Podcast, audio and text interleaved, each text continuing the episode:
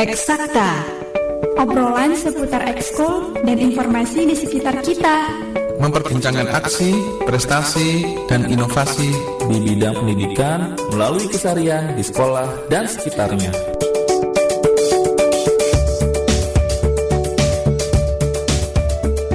Dari Graha Media Pusdatin 1440 AM Suara Edukasi yang akrab dan mencerdaskan. Ya. Sahabat edukasi, kembali lagi kita di acara Eksakta edisi hari ini ya.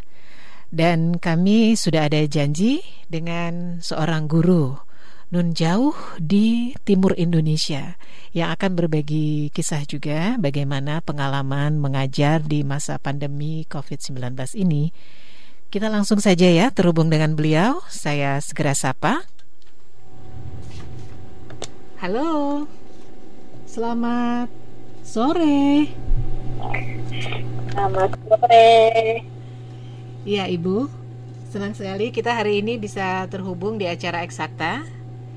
Saya masih agak syok. Jadi hari ini kami keluarga ya, besar Pusdatin sedang berduka ya kehilangan salah satu putra terbaik Indonesia dan ibu pasti juga mengenalnya ya karena ibu adalah salah satu duta rumah belajar yang benar, pasti benar.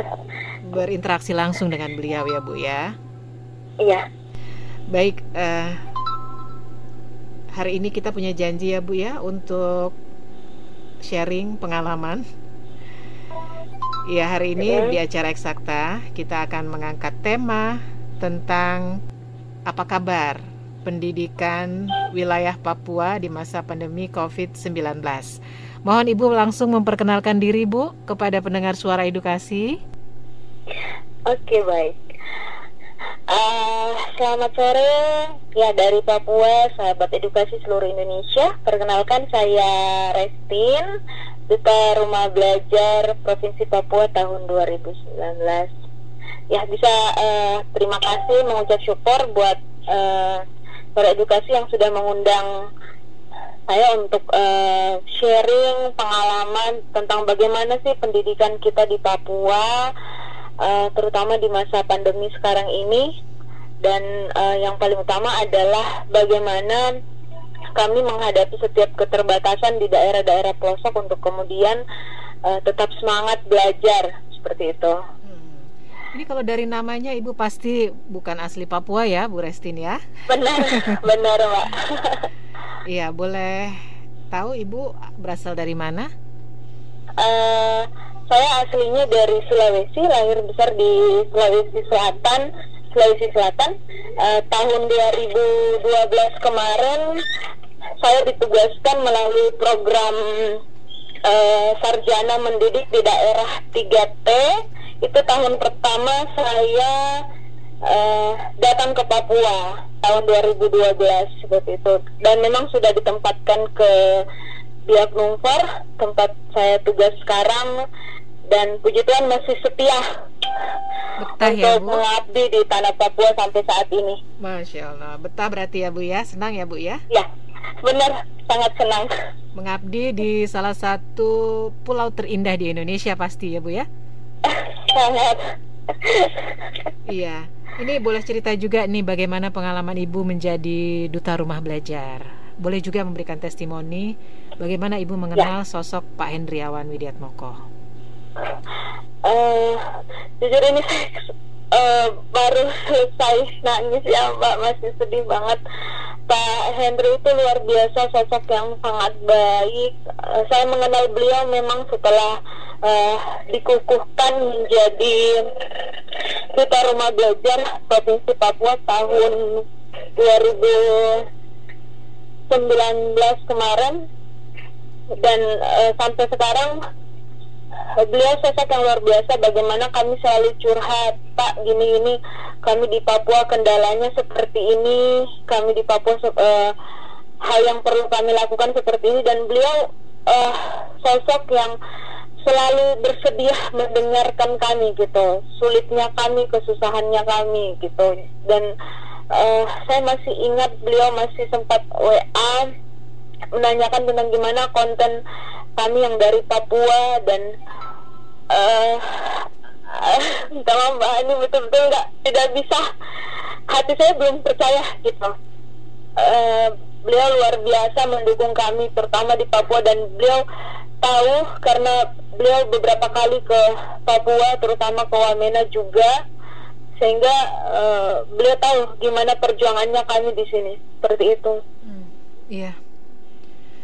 Ya, memang umur kita tidak pernah bisa menduga ya Bu ya, tua muda. Benar, ini benar. Kaya miskin, ada tinggal di pelosok di perkotaan ya, ya. itu benar-benar rahasia Allah ya Bu ya. Iya, mohon doanya untuk Pak Hendriawan Setiatmoko. Baik, Ibu tadi menjelaskan sekilas tentang bagaimana susah payahnya ya Bu mengajar di wilayah Papua. Walaupun kita juga mungkin sekarang ini percaya sih kalau di Papua juga pasti ada perkembangan ya Bu ya benar pembangunan dan benar. sebagainya tapi secara umum Bu uh, pengalaman Ibu mengajar di wilayah Papua ini ada di satu tempat saja atau berpindah dan kondisinya seperti apa nih secara sosiogeografis Bu? Uh, ya, kalau untuk yang saya sejak 2012 ditugaskan ke sini sampai saat ini memang ada dua lokasi sekolah yang pertama 2012 sampai 2013 itu saya ditugaskan di Biak Timur namanya itu satu distrik di SMP dan kemudian tahun 2015 saya dipindahkan lagi ditugaskan ke eh, SMA YPK 3 Urfu dan dua lokasi ini adalah lokasi dengan tidak ada akses eh, jaringan seperti itu. Jadi saya mengalami seperti itu. Kalau di kota memang e, aksesnya sudah mendingan, Mbak. Sudah ada yang bahkan selama pandemi melakukan pembelajaran secara daring. Ya, tapi saya sendiri e, ditugaskan oleh daerah itu di tempat bisa dikatakan daerah 3T. Bahkan e, sekolah saya sendiri sampai yang saya tempat itu adalah sekolah yang benar-benar blank akses Kemudian tahun 2019 kemarin kami mengusulkan untuk mendapatkan bantuan visat ya walaupun itu eh, sangat sulit aksesnya Mbak. Tidak tidak seperti akses-akses jaringan internet yang lain seperti itu. Tapi kalau untuk telepon biasa dan lain-lain itu benar-benar tidak ada. Kemudian eh, lokasi anak-anak saya eh, apa tinggal itu adalah daerah yang memang tidak ada akses seperti itu. Mereka juga tidak memiliki uh, kelengkapan IT seperti anak-anak di kota seperti itu. Lalu bagaimana sebelum masa pandemi Ibu mengembangkan metode belajar tanpa dukungan ini ya Bu ya akses internet ya? Uh, jadi memang mungkin karena sudah terbiasa dari sejak 2012 ya. Saya sempat mengajar juga dengan daerah yang luar biasa fasilitasnya. Kemudian ke tempat sini awalnya itu saya mengalami sedikit uh, apa ya bingung juga gimana sih anak-anak ini harus belajar seperti itu. Dan uh, di sekolah betul-betul pada saat uh, belum ada bantuan itu kami blank akses dan uh, mengajarnya memang manual artinya bahwa anak-anak kita banyak bermain sambil belajar kita bawa ke alam.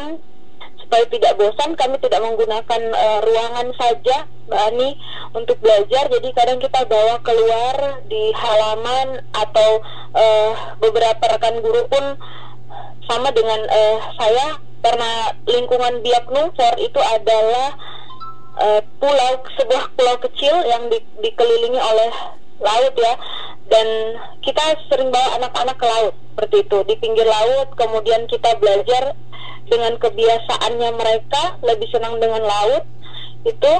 Kemudian uh, memang kita tidak menggunakan banyak menggunakan ruangan ruangan di dalam kelas. Karena anak-anak uh, di kampung itu mereka cepat bosan pada saat berada di dalam kelas. Itu yang saya pelajari.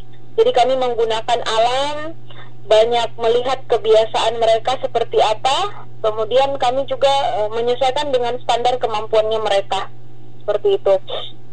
Ya kalau dikata uh, terus uh, gimana Mbak Ani? Ya kalau dikatakan ini sebetulnya kerug apa ya keuntungan juga ya sebenarnya ya Bu mereka belajarnya langsung outdoor gitu bersentuhan Benar. dengan objek yang dipelajari ya.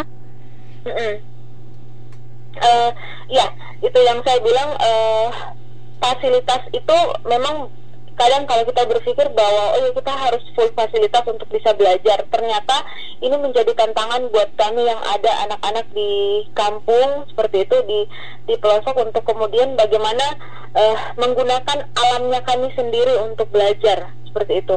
Saya uh, for example saja misalnya mereka belajarnya tentang tarian dan uh, kebudayaan mereka itu kami selalu menggunakan halaman sekolah untuk pentas seni. Kemudian uh, misalnya mereka belajar biologi dan fisika itu kami bawa ke alam. Uh, biologi pun seperti itu geografi seperti itu. Kami uh, membawa mereka bahwa mereka punya kekayaan alam yang bisa mereka gunakan untuk belajar. Seperti itu. Jadi uh, kami gunakan ruangan itu pada waktu-waktu tertentu saja. Tetapi sebisa mungkin kami bawa ke alam anak-anak seperti itu Nah sekarang kalau untuk membantu pekerjaan Bu Restin sendiri ya mengajarnya itu kan dengan keterbatasan dukungan infrastruktur internet. Ini bagaimana Ibu mengupayakan supaya materi pembelajaran itu juga menantang, mengasihkan buat murid-murid. Bagaimana Bu? Uh, kalau untuk saya sendiri, saya banyak menggunakan uh, rumah belajar ya, kemudian banyak searching di kota karena memang saya tinggalnya sebenarnya di kota di kota itu uh, rumah saya sekitar 20 km dari sekolah ya tiap hari. Uh, kebetulan kami yang SMA lima hari kerja jadi Senin sampai Jumat kita ke sekolah. Itu pagi sampai sore jam 3 dan untuk pembelajaran memang uh, lebih banyak kita searching di di kota gitu. Anak-anak memang tidak tidak bisa uh, misalnya mendapat pembelajaran secara langsung live atau seperti apa tidak semua bisa mereka searching internet seperti itu tapi uh, kami dari guru yang kemudian uh, harus menyiapkan materi itu untuk mereka seperti itu selalu update informasi untuk anak-anak uh, menyesuaikan dengan perkembangannya mereka gitu Mbak Ani Oh, setiap hari berarti PP 20 km jadi 40 km benar, ya? Benar. ya, menggunakan transportasi apa, Bu? Uh, saya naik motor, kecuali kalau hujan itu uh, apa kadang-kadang diantar suami tapi itu hanya satu dua kali saja tapi kalau untuk sehari-hari benarnya itu saya naik motor gitu kalau hujan ya pakai mantel lagi wah Medannya seperti apa Bu? Menempuh 20 km dari kota ke sekolah ya yang ada di pedalaman. Kalau untuk tempatnya saya jalannya untuk biak numfor itu jalannya udah bagus semua Mbak Ani. Hanya memang kadang uh, kita takutnya adalah karena ada daerah-daerah yang kita lewati itu tidak ada per, pemukiman gitu. Jadi uh, itu yang kita takutkan kalau kita lewat lalu uh, kendaraan rusak atau seperti apa gitu. Nah tidak ada masyarakat di situ. Tapi kalau medannya masih bisa saya jangkau. Wah, tidak ada pemukiman, ya riskan sebenarnya ya Bu ya. Jadi ya, kiri kiri kanan jalan apa Bu? Pokoknya kalau uh, ke sekolah itu akan pagi pagi-pagi banget mani. Jadi memang betul-betul harus lihat teman-teman karena ada yang lebih jauh lagi dari saya tempat tugasnya jadi saya harus ngejar kendaraan yang pagi biar ada ada teman kalau jalan ke sana kan udah mulus cuman kanannya hutan kirinya laut mbak. Kayak film-film ya bu ya? Sudah pernah mungkin dibuat videonya nih perjalanan setiap hari? Benar siap. Sudah pernah ya? saya buat dan uh, mudah-mudahan jadi uh, masukan juga ya buat teman-teman di sana. Iya ini, ini pasti menjadi cerita yang unik menginspirasi juga ya bagaimana perjuangan guru-guru ini masya Allah ya Bagaimana komunikasi dengan orang tua siswa-siswi Bu Nesti di sana, Bu?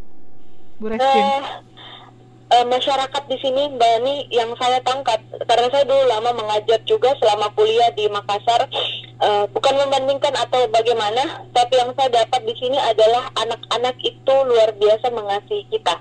Gitu, sayang banget dengan guru-guru.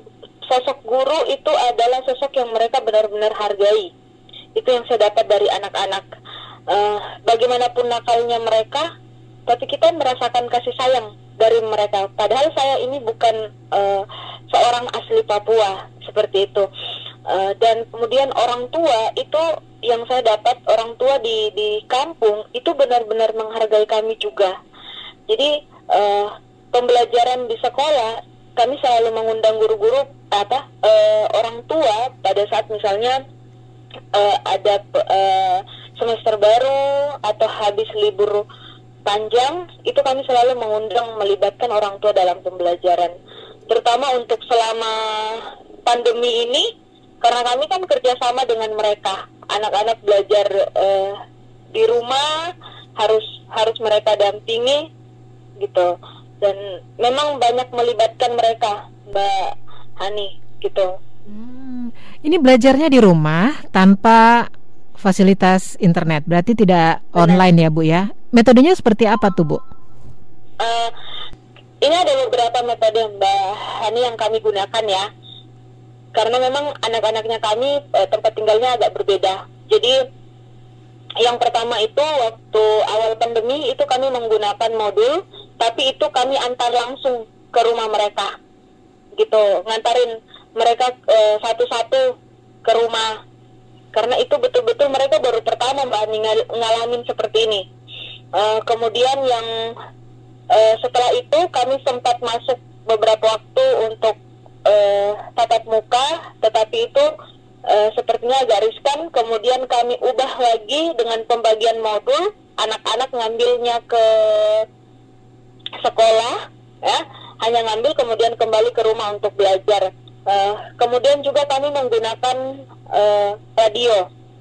Jadi anak-anak di kampung banyak yang nggak punya TV, nggak punya Android, apalagi maaf laptop. Saya, saya bisa katakan bahwa hanya satu dua orang saja dari ratusan anak-anak didik saya yang punya laptop Ani itu hanya satu dua orang saja jadi kami menggunakan radio untuk kemudian uh, menyampaikan materi ke mereka sesuai dengan modul yang kami sudah antarkan ke rumah. Gitu Mbak Ani. Iya menarik Bu. Ini jaringan radio yang dimaksud. Seperti apa Bu? Memili uh, milik dari provinsi atau siapa yang mengelola? Kalau untuk yang uh, bisa menja masih menjangkau anak-anak yang di pelosok kemarin itu kami menggunakan uh, eh, RRI itu Ibu Pertiwi memanggil di Radio Biak itu daerah sendiri yang kemudian uh, men, apa bekerja sama dengan guru-guru. Seperti itu. Tapi tidak semuanya juga. Karena di kota masih ada yang bisa terjangkau oleh internet. Jadi anak-anak yang di kampung itu kami jangkau melalui radio itu. Ada satu hanya satu uh, distrik. Distrik itu kabupaten ya, kabu, eh, eh, kecamatan, kecamatan di ujung yang itu benar-benar kami nggak bisa jangkau sama sekali dan di situ kalau saya tidak salah eh, dapat info itu ada sekitar dua atau tiga anak kami yang ada di situ. Tapi yang lain kami berusaha jangkau dengan segala metode walaupun tidak bisa online bahan ini satu persatu dikunjungi ya dengan Benar. dengan optimal maksimal Benar, usaha. Ya itu ada berapa siswanya bu dan jarak tempuh dari titik sekolahnya gitu ya itu seberapa jauh? Dan eh, ada yang sampai satu jam lebih perjalanan itu eh, satu jam itu ukurannya mbak ini daerah yang masih tidak macet seperti Jakarta Artinya nggak ada kendala kemacetan ya. Berarti benar-benar sangat jauh, bahkan ada yang satu jam lebih. Nah, jadi eh, pada saat minggu pertama itu kami sedikit kewalahan karena tidak semua rumah anak-anak ini kan menentu. Ada yang tinggal dengan orang tuanya, ada yang tinggal dengan saudara, ada yang tinggal setelah pandemi tinggal dengan uh, oma opanya gitu. Kalau sini sebutnya teteh dengan nenek gitu. Nah, uh, itu yang kami kesulitatannya di situ karena menelpon mereka pun kita tidak ada kontak. Gitu. Harus dicari. Masya Allah ya. Tapi berarti data minimal yang dimiliki itu ala alamat rumah tetap ya? Benar. Ya Bu ya. Dan uh, kadang kami harus bertanya ke teman-temannya di mana mereka punya tempat tinggal seperti itu. Kalau ada pun beberapa uh, bulan pertama itu saya mengalami uh, Mbak Ani saya tidak bisa menjangkau mereka benar dan itu saya seperti apa ya terasa mau put, jujur putus asa juga gitu karena anak-anak rumahnya jauh sangat jauh medannya juga luar biasa saya harus jangkau. Dan beberapa orang saya tidak bisa dapatkan ada di rumah. Karena ada yang pergi melaut maaf karena eh, anak-anak banyak yang dengan ekonomi bawah. Jadi pada saat pandemi seperti ini malah mereka membantu orang tua melaut. Jadi sumber penghasilan dari orang tua kebanyakan siswa-siswi Bu Restin apa nih Bu selain melaut? nelayan. Nelayan berarti yang utama ya? iya benar Hmm. nelayan Iya, iya.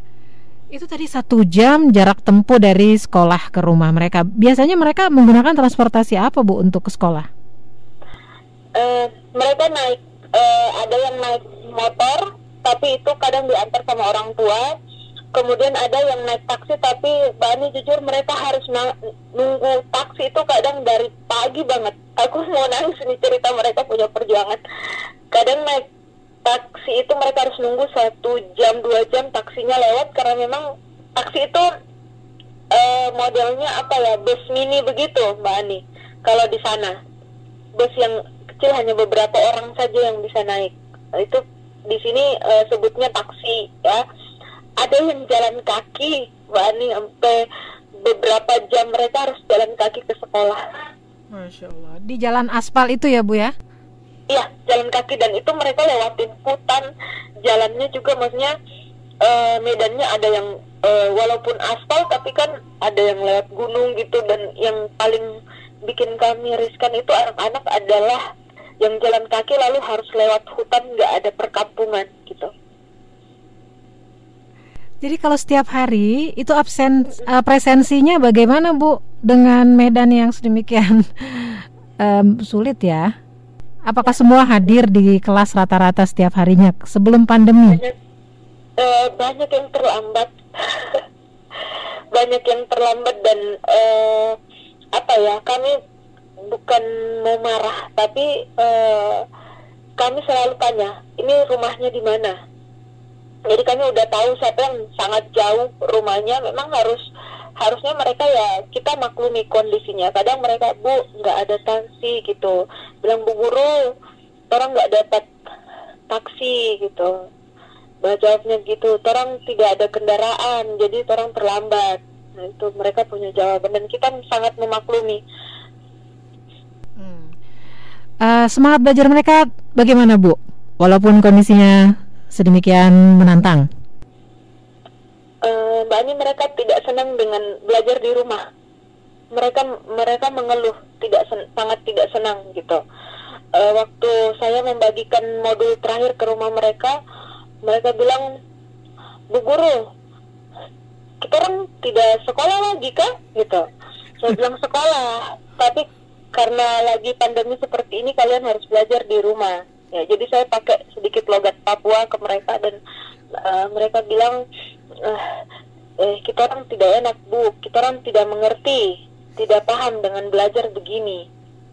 Memang mereka tidak sangat tidak senang. Dan pada saat kami uji coba beberapa eh, dua minggu tiga minggu ya kami uji coba kembali tatap muka itu luar biasa. Mereka mereka semangat belajar. Dan mbak ini kadang yang paling luar biasa saya lihat kadang anak-anak pakai sendal dulu ke sekolah. Di sekolah baru mereka eh, pakai sepatunya karena harus jalan kaki takut makin rusak. Mereka luar biasa semangatnya belajar. Masya Allah semangatnya ini, aduh saya merinding dengernya ya bu ya. aku ini mbak nih mewek kalau lihat perjuangan mereka anak-anak di kampung jadi nggak kadang nggak tega itu sama mereka.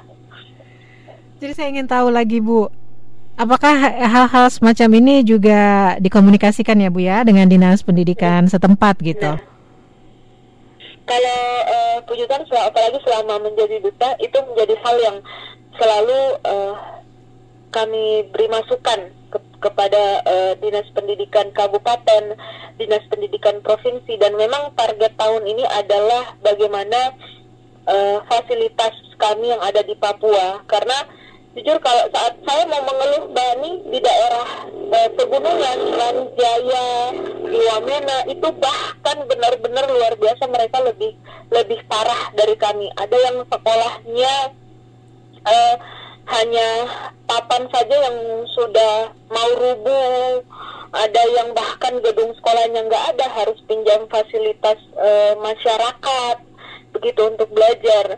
Dan Mbak Ani jujur kadang mereka harus dapat bantuan baju bekas dari masyarakat dan itu membuat saya mengatakan bahwa tidak boleh mengeluh karena ada anak-anak yang bahkan lebih susah menempuh pendidikan di beberapa kabupaten di Papua gitu.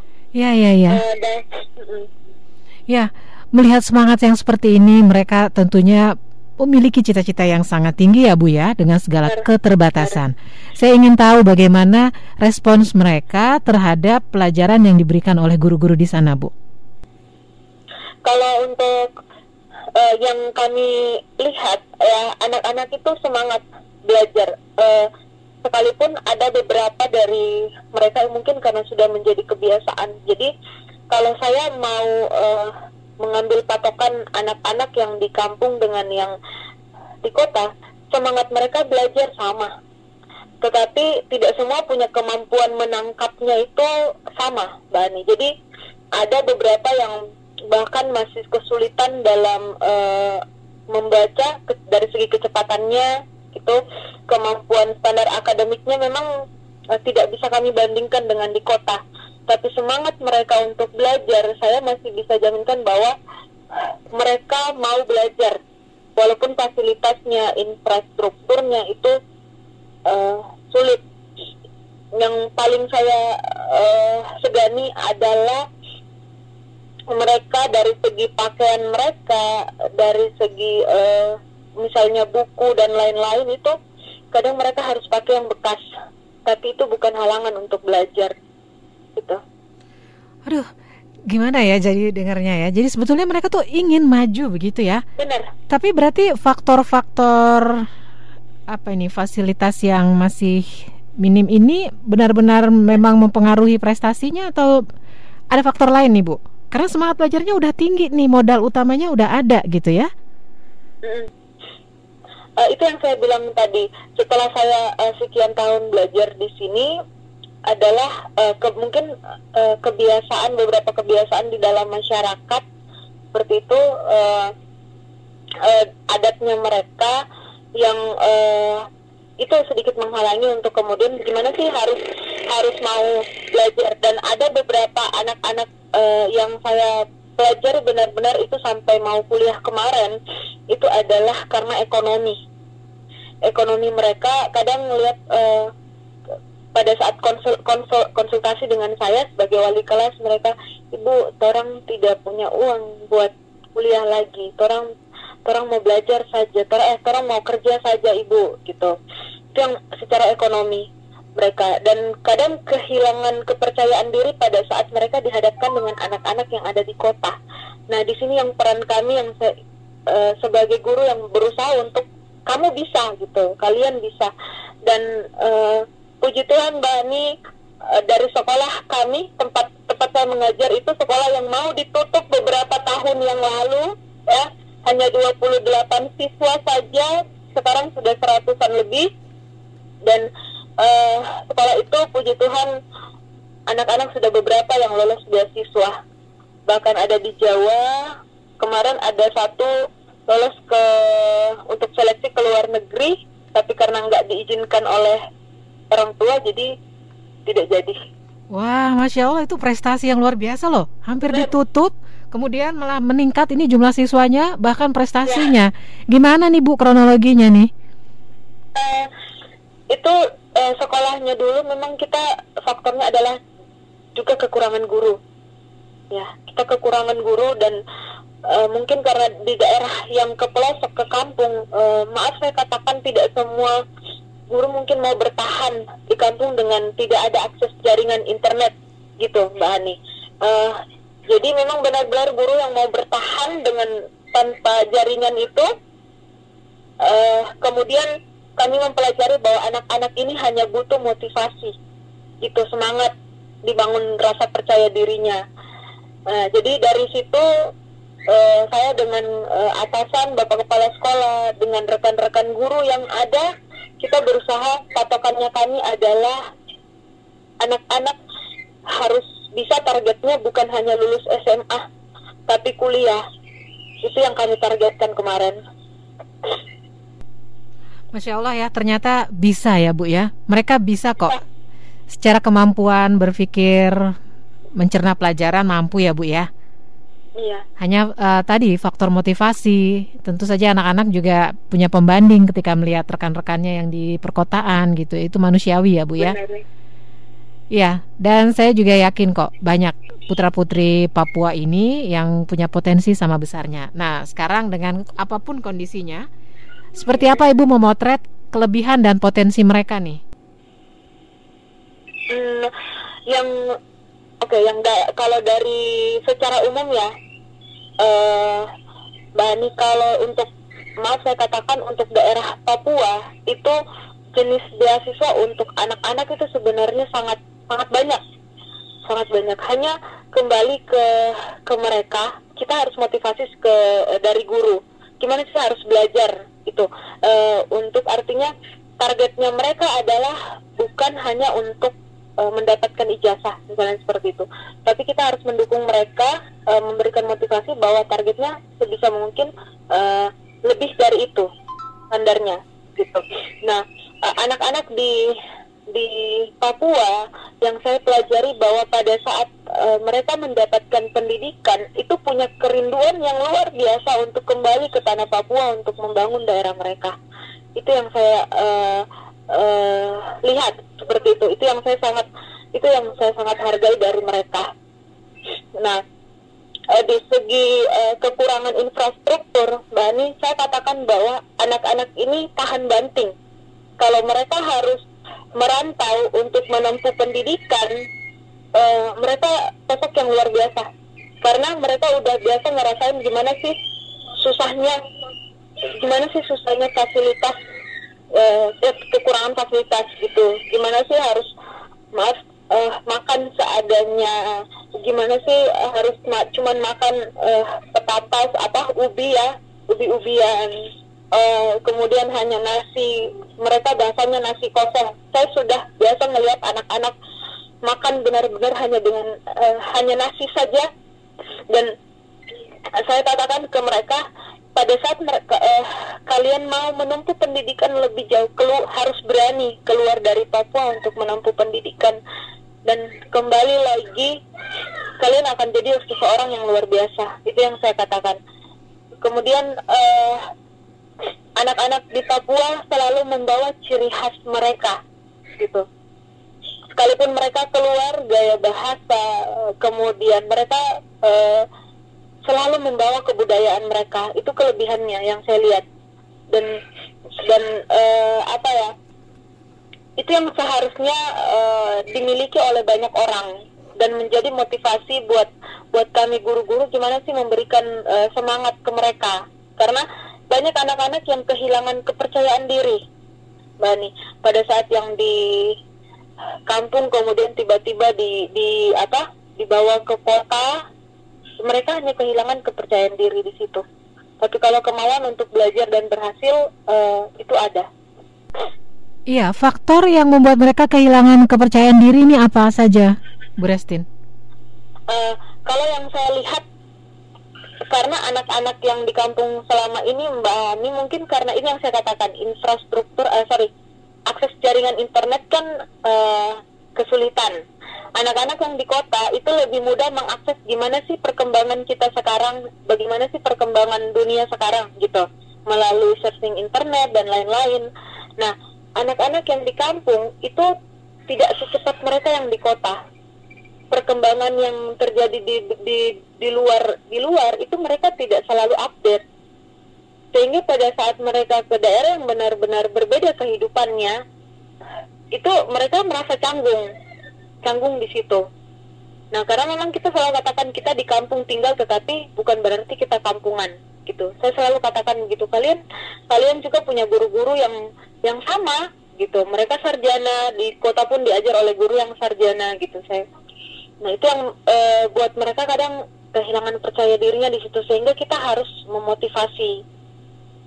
Dan yang kedua adalah jujur kalau yang tempat saya e, di kampung mengajar itu memang standarnya mereka eh, sorry memang taraf ekonomi mereka e, menengah ke bawah ya itu yang kedua e, artinya dari segi ekonomi anak-anak kadang tidak punya percaya diri di situ gitu Mbak Ani. Iya.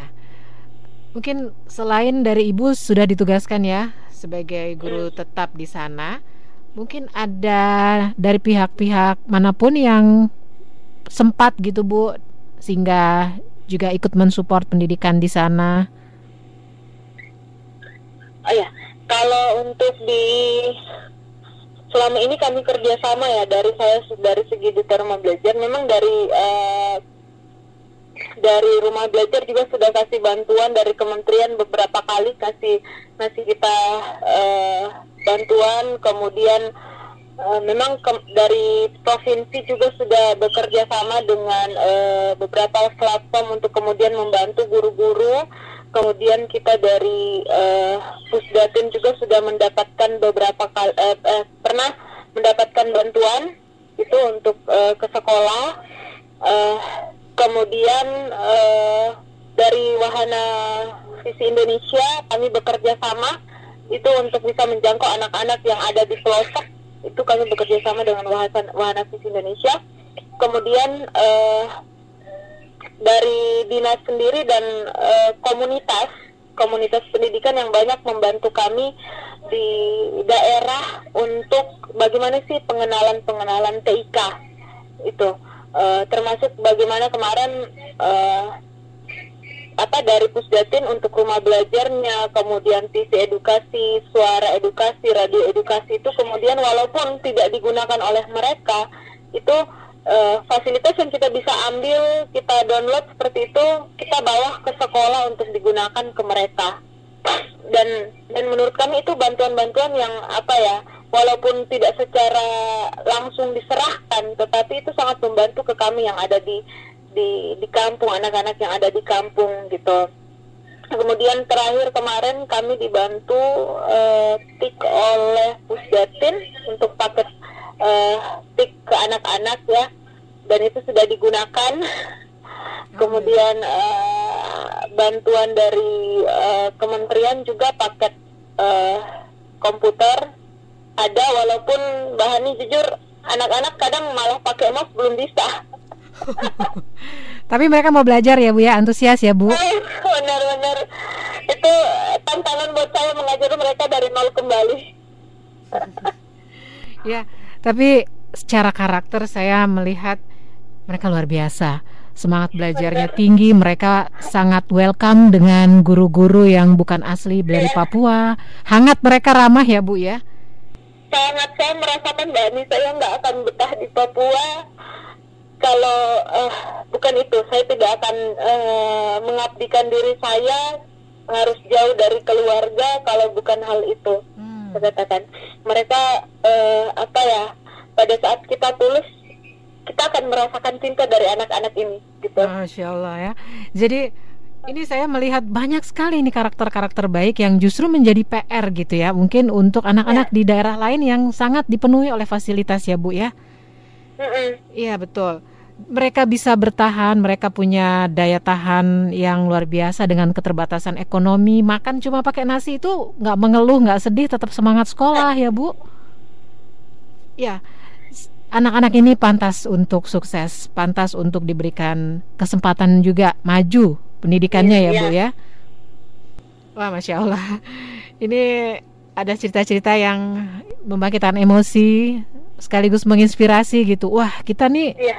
belum banyak berbuat nih dengan fasilitas yang ada ya di ya. perkotaan ya. Ternyata anak-anak yang merindukan dukungan infrastruktur ini begitu semangatnya belajar ya Bu ya dan walaupun mereka ya termasuk jadi minder juga ketika harus berkumpul dengan teman-temannya di kota. Itu bukan berarti mereka tidak mampu.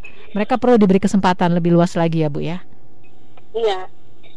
Terakhir. Eh, dan mbak Ani yang paling utama eh, yang kami rasakan sebagai duta rumah belajar pada saat di daerah seperti ini eh, adalah eh, rekan-rekan guru ya masih banyak sekali yang um, tidak memiliki kemampuan IT yang itu menjadi PR juga buat kami gitu. Untuk guru-gurunya ternyata sama juga ya Bu ya. Tentu saja kami berharap nanti banyak pihak yang ikut benar-benar serius memikirkan ya karena guru-guru ini ujung tombak ya Bu ya untuk memperkenalkan IT juga buat mereka. Dan uh, kemarin uh, kita udah ngelakuin uh, pelatihan untuk rekan-rekan guru ada 70 sekolah di Kabupaten Biak Numfor. Uh, jadi itu kami uh, menjadi apa ya pergumulannya pada saat di luar Papua ataupun di pusat-pusat kota besar mereka melakukan uh, pembelajaran secara online, kami kesulitannya di situ. Kami kesulitannya di situ dan uh, yang kami duluan fasilitasi adalah rekan-rekan guru untuk bisa menggunakan fasilitas ini, gitu. Itu menjadi PR. Nah, setelah dari situ agar kami bisa menjangkau anak-anak. Iya. Baik Ibu, uh, tidak terasa hampir satu jam ya kita sudah berbagi. Masih ingin banyak yang digali cerita-ceritanya. Kapan-kapan kita jadwalkan lagi ya Bu ya. Banget. Semoga Bu Restin sehat selalu, diberikan Amin. kekuatan, kesehatan dan juga kegembiraan untuk mengajar anak-anak yang luas sekali hatinya gitu ya Bu ya. Iya. Anak-anaknya juga happy sekolah diajar guru-guru yang tulus, insya Allah mereka pun nanti tidak berhenti sampai jadi lulusan SMA, tetapi mereka bisa menjangkau jenjang pendidikan yang lebih tinggi, bermanfaat, membanggakan dan mereka itu luar biasa ya. Kalau udah sukses tuh nggak lupa tanah airnya, tanah kelahirannya maksudnya di Papua ya. Itu karakter-karakter yang karakter-karakter yang perlu kita promosikan dari mereka ya, keunggulan mereka anak-anak Papua ya Bu ya. Iya. Uh, kuat mental dan uh, mereka punya apa ya yang paling saya senangi adalah mereka pada saat di dalam keterbatasan itu mereka benar-benar uh, menjadikan guru itu bukan sebagai gurunya saja tetapi sahabat gitu orang tua buat mereka nah um, semoga ini menjadi pelajaran ya untuk banyak uh, siswa di luar walaupun dengan fasilitas yang banyak tetapi uh, sosok pendidik itu adalah orang tua menjadi sumber pembelajaran yang utama gitu. Iya, insya Allah ini juga jadi pelajaran buat kita semua bagaimana kita menghormati guru, menjadikannya sosok yang digugu dan ditiru, yang sangat Benar. dicintai anak-anak. Itu potret itu masih ada di Papua ternyata ya. Insya Allah anak-anak di Indonesia pun semakin termotivasi, terinspirasi untuk menjalin interaksi yang sangat baik, karakter-karakter baiknya tumbuh, bagaimana menghormati guru ya. Bu Restin, baik, terima kasih. Terakhir ada lagi yang mau disampaikan Bu untuk kesempatan kali ini? Harapannya? Uh, harapan saya bahwa uh, semoga ya banyak anak-anak uh, Papua yang mendengar uh, siaran ini bahwa Papua mungkin mengalami uh, dari segi di luar sana banyak yang mengatakan uh, mengalami uh, banyak kendala ya tetapi uh, di luar dari itu saya mengatakan bahwa uh, tanah Papua bumi cendrawasih itu tanah yang kaya. Kita punya banyak potensi. Anak-anak yang luar biasa, anak-anak yang cemerlang, yang seharusnya menjadi uh, bagian dari pendidikan di Indonesia untuk mengalami kemajuan seperti itu. Dan saya berharap bahwa uh, di pusat ya ini uh, uh, pesan saya untuk yang ada di kementerian yang ada di pusat untuk melihat gimana sih anak-anak di Papua uh, juga mau berjuang dengan keterbatasan ini. Saya berharap bahwa uh, mereka mau dilihat. Uh, saya tidak mengatakan untuk daerah saya saja, tetapi uh, saya melihat bahwa rekan-rekan yang ada di pegunungan, di Lanijaya, di Wamena, uh, di Kobak Masara, di Membramo itu bahkan lebih sulit lagi berjuang. Semoga ke depannya kami bisa dilihat dari segi itu untuk dibantu. Kami juga punya kerinduan uh, belajar, ibaratnya kemarin kami melihat rekan-rekan di luar sana um, belajar secara sikon online kami tidak bisa dan kami berharap besok kami bisa menjalani itu juga gitu. Baik, terima kasih sudah berkontribusi. Pada ini sudah semakin senja ya di Biak ya Bu ya sekarang? benar. udah lima menit lagi udah jam 6 sore.